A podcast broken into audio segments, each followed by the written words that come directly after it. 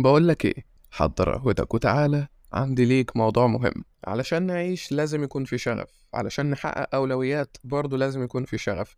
علشان نعمل التاسكات اللي علينا وعلشان نعرف أصلا نتقبل الدنيا دي برضه لازم يكون في شغف تجاه أمور معينة. لو أنا ما عنديش شغف تجاه الحياة وما عنديش شغف تجاه أي حاجة خالص مش هعرف أعيش. جايز إن إحنا ممكن نفقد الشغف ده لفترة معينة من الفترات. وده مش عيب وده يخليني عادي أكمل زي ما أنا. بس في نفس الوقت ما ينفعش أتغافل عنه. وأقول خلاص أنا مش هدور على شغفي وكده خلاص ولازم أعيش من غير شغف وأعود نفسي إن أنا أعيش من غير شغف والشغف ده كلام تنمية بشرية ومش هينفعني بحاجة وكل الكلام ده. إحنا مش بنقول إن إحنا نوقف حياتنا على الشغف بس برضه ما ينفعش إن أنت تكون ماشي حياتك بدون ما بتدور على شغفك بدون ما بتدور على الحاجة اللي أنت بتحبها وبتعملها بمنتهى الحب والإخلاص. فخلينا دلوقتي نشوف إيه أهمية أصلا الشغف وإزاي أقدر أرجعه لو أنا فقدته.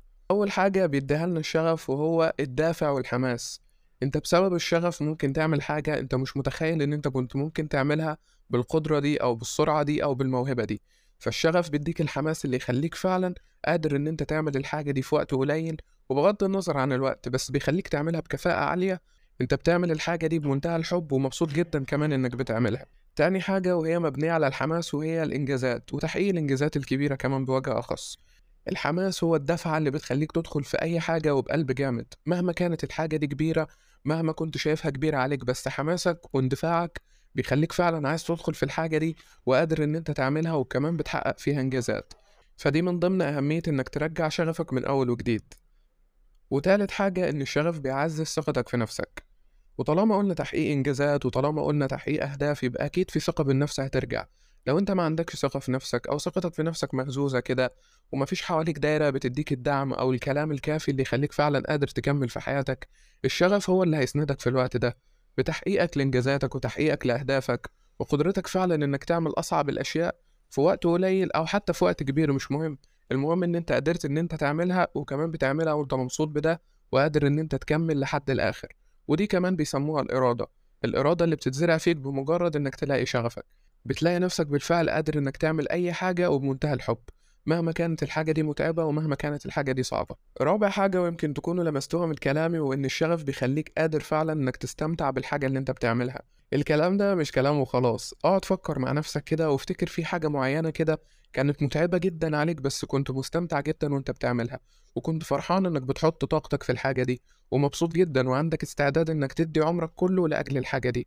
ومبسوط وبتعمل إنجازات فيها وكمان إنجازك فيها بيكون مختلف عن أي حد تاني. اقعد مع نفسك كده وفكر هتلاقي حاجات كتير بنفس الوصف ده. بس أنت محتاج تقعد وتفكر شوية. خامس حاجة وهي بتنتج عن الأربع حاجات اللي قلناهم وهي الابتكار.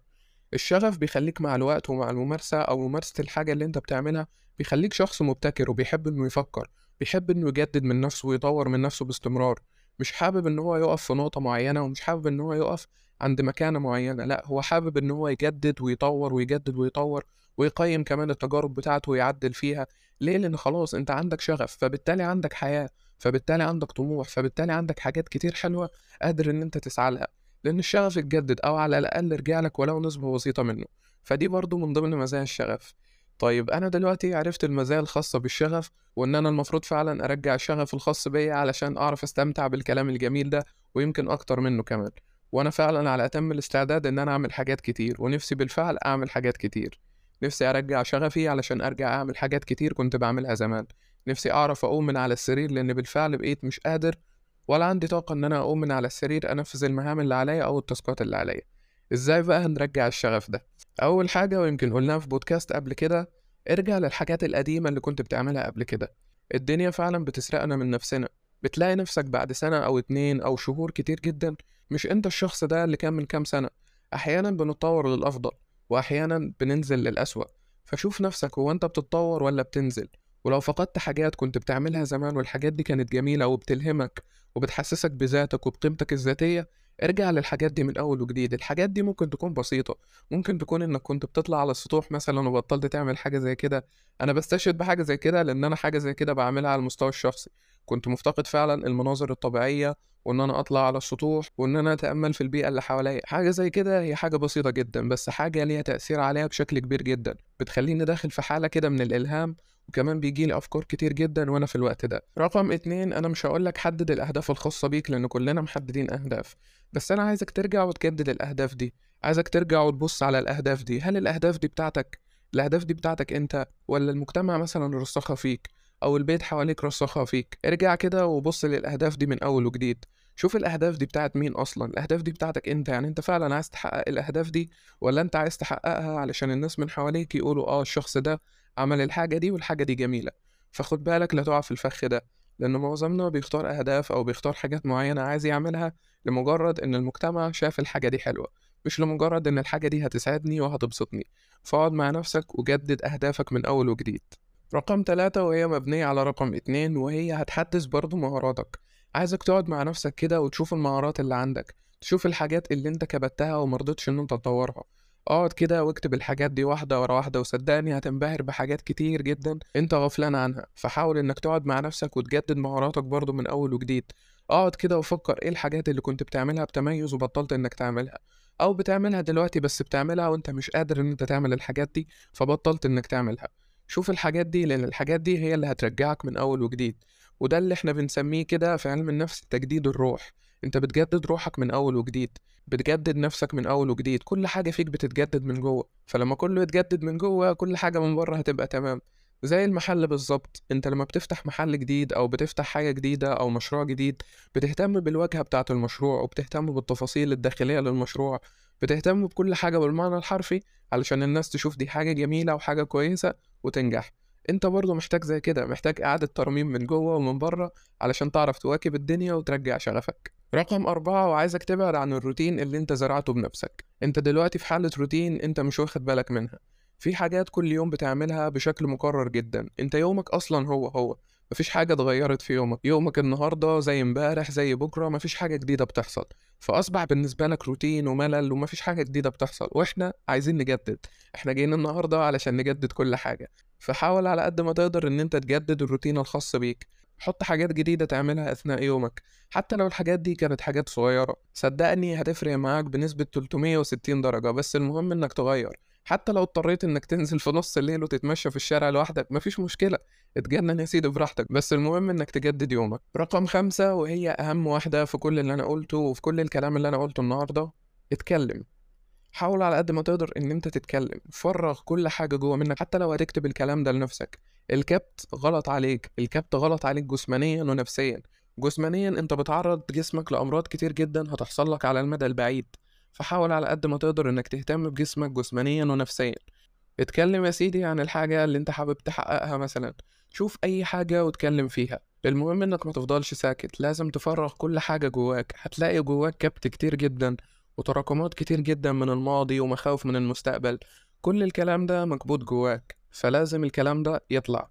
لازم الكلام ده يتفرغ. حتى لو هتسجل لنفسك يا سيدي ريكورد على واتساب. مش مشكلة. المهم إنك تفرغ كل الكلام اللي جوا منك ده. رقم ستة ودي تاني أهم حاجة هقولها النهاردة. خلي عندك خطة تطور بيها من حالتك النفسية. مش عيب إنك تروح لثيرابيست وتتكلم معاه عن مشكلة معينة بتواجهك وأنت مش قادر إنك تحلها. وبالمناسبة في منصات كتير جدا دلوقتي بتقدم الموضوع ده وبأسعار رمزية جدا. حاول إنك تهتم بسلامك النفسي وبصحتك النفسية. خلي عندك خطة لده. إنك كل يوم تكتب لنفسك. إنك كل يوم تسمع مثلا بودكاست عن الصحة النفسية. أو كل يوم تسمع حاجة بتلهمك حاجة بتحفزك. المهم إن يومك لازم يكون في حاجة بتعزز من صحتك النفسية وسلامك النفسي. سلامك النفسي وصحتك النفسية هي عضلة في جسمك. آه والله صدقني هي عضلة في جسمك. ولو بطلت إن أنت تمرنها وتنميها صدقني هتضرك بعد كده وهتيجي عليك بالسلب. فلازم إنك تهتم بيها وتقويها علشان يكون عندك صلابة نفسية تخليك قادر فعلا تستقبل الأحداث والمجريات اللي بتحصل من حوالينا.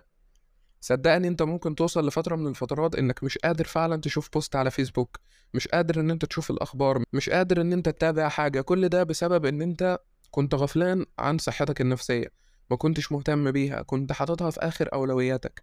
كنت حاطط الشغل والفلوس والجري ورا كل الكلام ده في مقدمة أولوياتك. الكلام ده مش عيب بس لازم برضو يكون معاه في مقدمة الأولويات دي صحتك النفسية لأن صحتك النفسية هي اللي قادرة تحول حياتك 360 درجة للأفضل وللأحسن بس الفكرة إنك لازم تهتم بيها. مفيش حاجة هتديك نتائج بدون ما تكون مهتم بيها. لازم تهتم بيها وتديها حقها علشان تديك حقك. خصص جزء من يومك على قد ما تقدر لازم يكون لصحتك النفسية. شوف الحاجة اللي أنت بتحبها. بتحب تمارين التأمل؟ الحلقة اللي فاتت اتكلمت عنها واتكلمت عن أقوى خمس تمارين للتأمل. بتحب إن أنت تقرأ؟ حاول إن أنت ترجع شغفك من أول وجديد في القراءة بالطرق اللي إحنا اتكلمنا عنها وشوف كتاب يا سلام لو في الصحة النفسية تقعد تقرأه كده مع نفسك وتحاول إن أنت تفصل وتقعد في مكان بعيد جدا بعيد عن أي دوشة بعيد عن أي زحمة بعيد عن أي مشاكل خالص. حاول على قد ما تقدر إنك تعزز صحتك النفسية باهتمامك بنفسك. أرجوك ثم أرجوك ثم أرجوك اهتم بنفسك زي ما بتهتم بغيرك بالظبط. نفسك تستحق إنك تهتم بيها. ودي كانت حلقتنا النهاردة وأشوفكم على خير دايما ويا رب دايما موفقين في حياتكم. أشوفكم على خير دايما وحلقة جديدة وبودكاست قهوة بدون سكر.